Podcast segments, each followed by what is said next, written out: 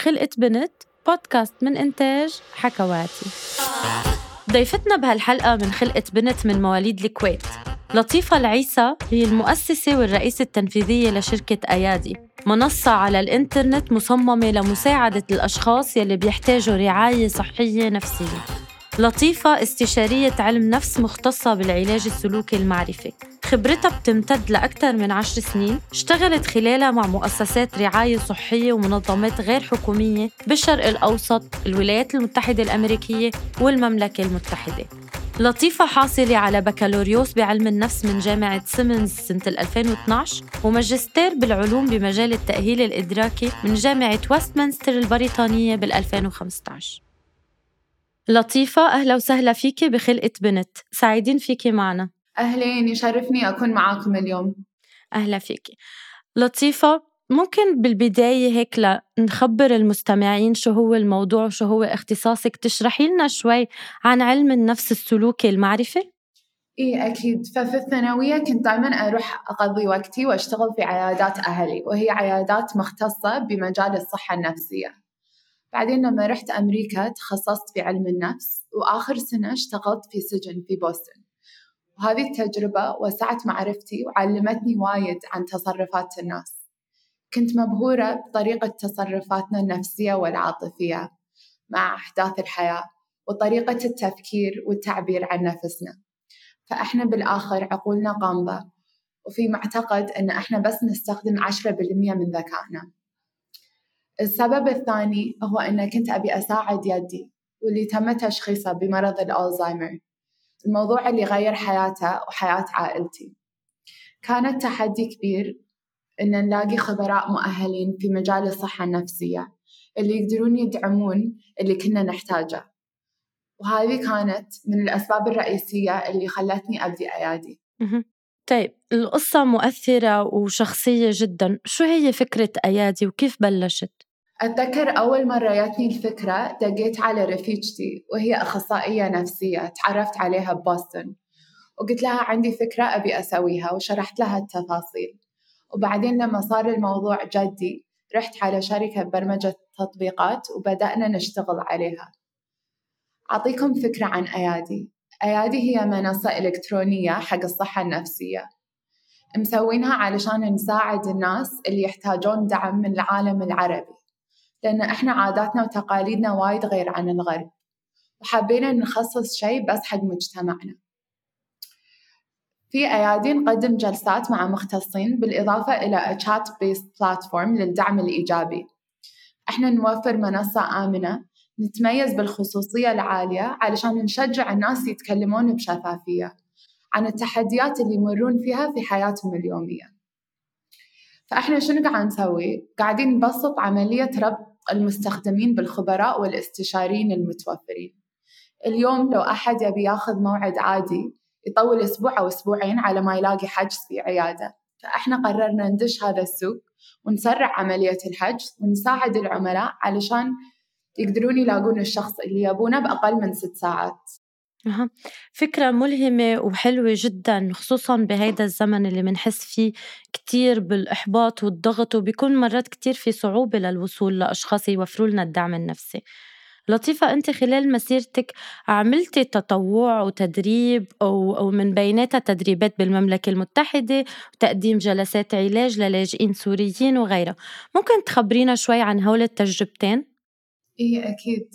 فتطوعت لأول مرة في مؤسسة خيرية في لندن وكنت أدرب الأشخاص اللي عندهم ألزهايمرز وأعلمهم المهارات اللي يحتاجونها علشان يرجعون يتعاملون مع حياتهم الطبيعية.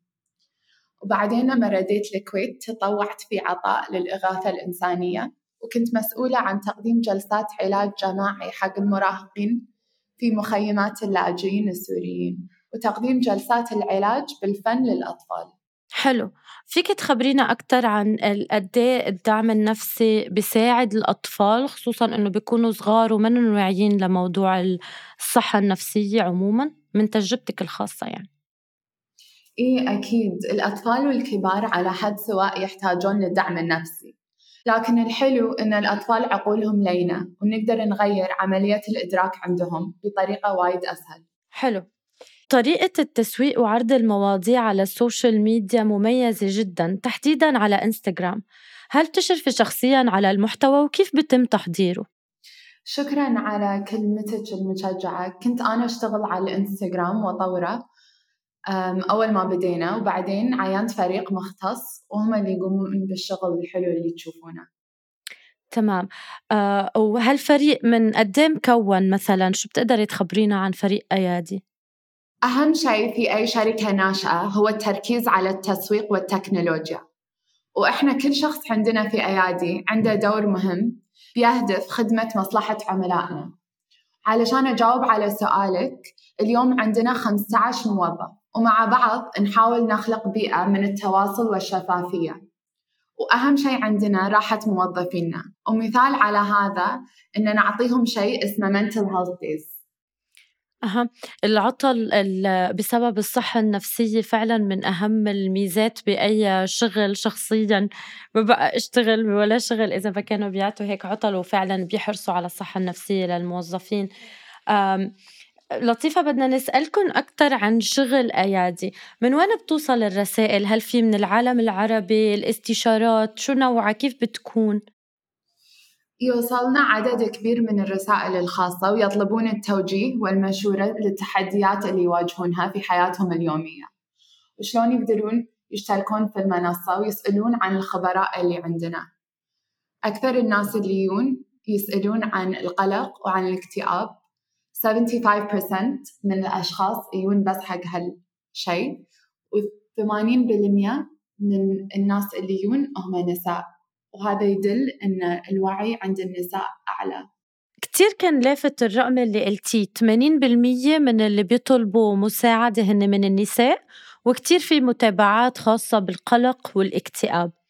آه لشو برأيك مثلا بيرجع آه ارتفاع نسبة النساء؟ هل بسبب ازدياد الضغوطات عليهم أو بسبب ارتفاع نسبة الوعي عندهم أو من شو بتلمسي هيدا هاي النسبة المرتفعة؟ بشكل عام النساء عندهم تصور ومعرفة بالمعلومات بطريقة أوضح من الرجال والنساء عندهم توقعات أعلى لما يتعلق بالموضوع بطريقة حياتهم خاصة في منطقة الخليج. والحلو إن هذه الصعوبات اللي يواجهونها تخلينهم مرنين أكثر. طيب عظيم لطيفة. لكن بالعالم العربي أو بمنطقة الشرق الأوسط ككل شو هي برأيك أكبر عوائق الوعي المتعلقة بالصحة النفسية؟ بكل مجتمع في عوائق المهم الإضاءة عليها والعمل على إصلاحها. الصحة النفسية هو مصدر قلق كبير في منطقتنا العربية. في الخليج في 15% من السكان يعانون من مشاكل في الصحة النفسية وأنا أعتقد أن هذا الرقم أقل من الواقع. في السنوات الماضية كان في تحول واضح بالوعي المحيط بالموضوع. بس لا تزال هناك فجوة واسعة يجب سدها. وأخيرا صار في اعتراف بالصحة النفسية كمجال يحتاج إلى التطوير في الدوائر الحكومية والاستثمارية في العالم العربي.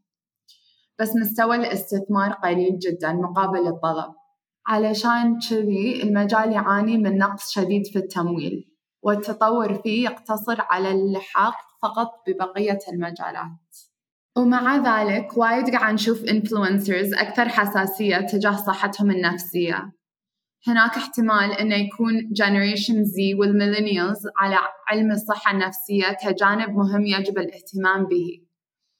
والأرقام تتحدث عن نفسها فأكثر من 60% من المستخدمين والمستمرين في استخدام أيادي تتراوح أعمارهم بين 18 و 30 بالنظر لسكان المنطقة من الشباب والتوسع الكبير للاستخدامات الرقمية واستعمال السوشيال ميديا فإنه يمكن أن تغير الرأي العام والنظرة حول الصحة النفسية بسرعة. وتحويلها من حالة عدم الوعي لحالة قبول وتشجيع. عظيم.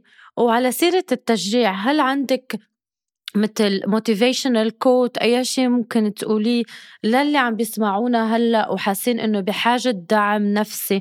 وبعد ما تجرأوا على إنه يتواصلوا أو بعد ما حكيوا مع حدا بالموضوع؟ أكيد عندي وايد. اليوم كل ال world leaders صاروا منفتحين لموضوع الصحة النفسية وعندهم أخصائيين و life coaches والدعم يبدي بخطوات صغيرة والمهم إنه يكون عندنا الرغبة علشان نبدي في هذا المشوار. طيب بهذا الإطار شو عم بتخطط أيادي للمستقبل؟ هل رح تكون عم بتملي فراغ؟ هل رح تصير هل تطمح لأنها تصبح منصة رئيسية للصحة النفسية عربيا؟ شو الخطط المستقبلية لهالشركة؟ هدفنا لأيادي هو تطوير منصة يمكن دمجها مباشرة في شبكات التواصل الاجتماعي وطرق التواصل في العمل مثل سلاك أو تيمز حتى يتمكن الأشخاص من الوصول إلى المساعدة والدعم اللي يحتاجونه. وين ما كانوا وفي أي وقت يبون بدون ما يغيرون المنصات اللي يستخدمونها. وتمثل الفكرة في تزويدهم بالأدوات والمهارات اللي يحتاجونها بأسعار معقولة علشان نساعدهم لتحقيق ذاتهم والتقدم بطريقتهم الخاصة وبالسرعة اللي تناسبهم. أيادي راح تكون منصة اجتماعية للصحة النفسية بتركيز على النمو الشخصي. شكرا كتير لطيفة لكلماتك وللإنسايت تبعك ولكل آه، الوقت اللي أعطيتينا إياه لتزودينا بهاي المعلومات اليوم. آه نحن سعدنا باستقبالك معنا بهاي الحلقة من خلقة بنت. آه وبنتمنى النجاح لأيادي ولكل العملاء تبعها. مشكورة وايد. Thank you so much for having me. هيك بنكون وصلنا لنهاية حلقتنا من خلقة بنت. بنتمنى تكون عجبتكم مثل ما نحن استمتعنا بإعدادها. ما تنسوا تتابعونا على مختلف وسائل التواصل. منشوفكن بالحلقة الجاي باي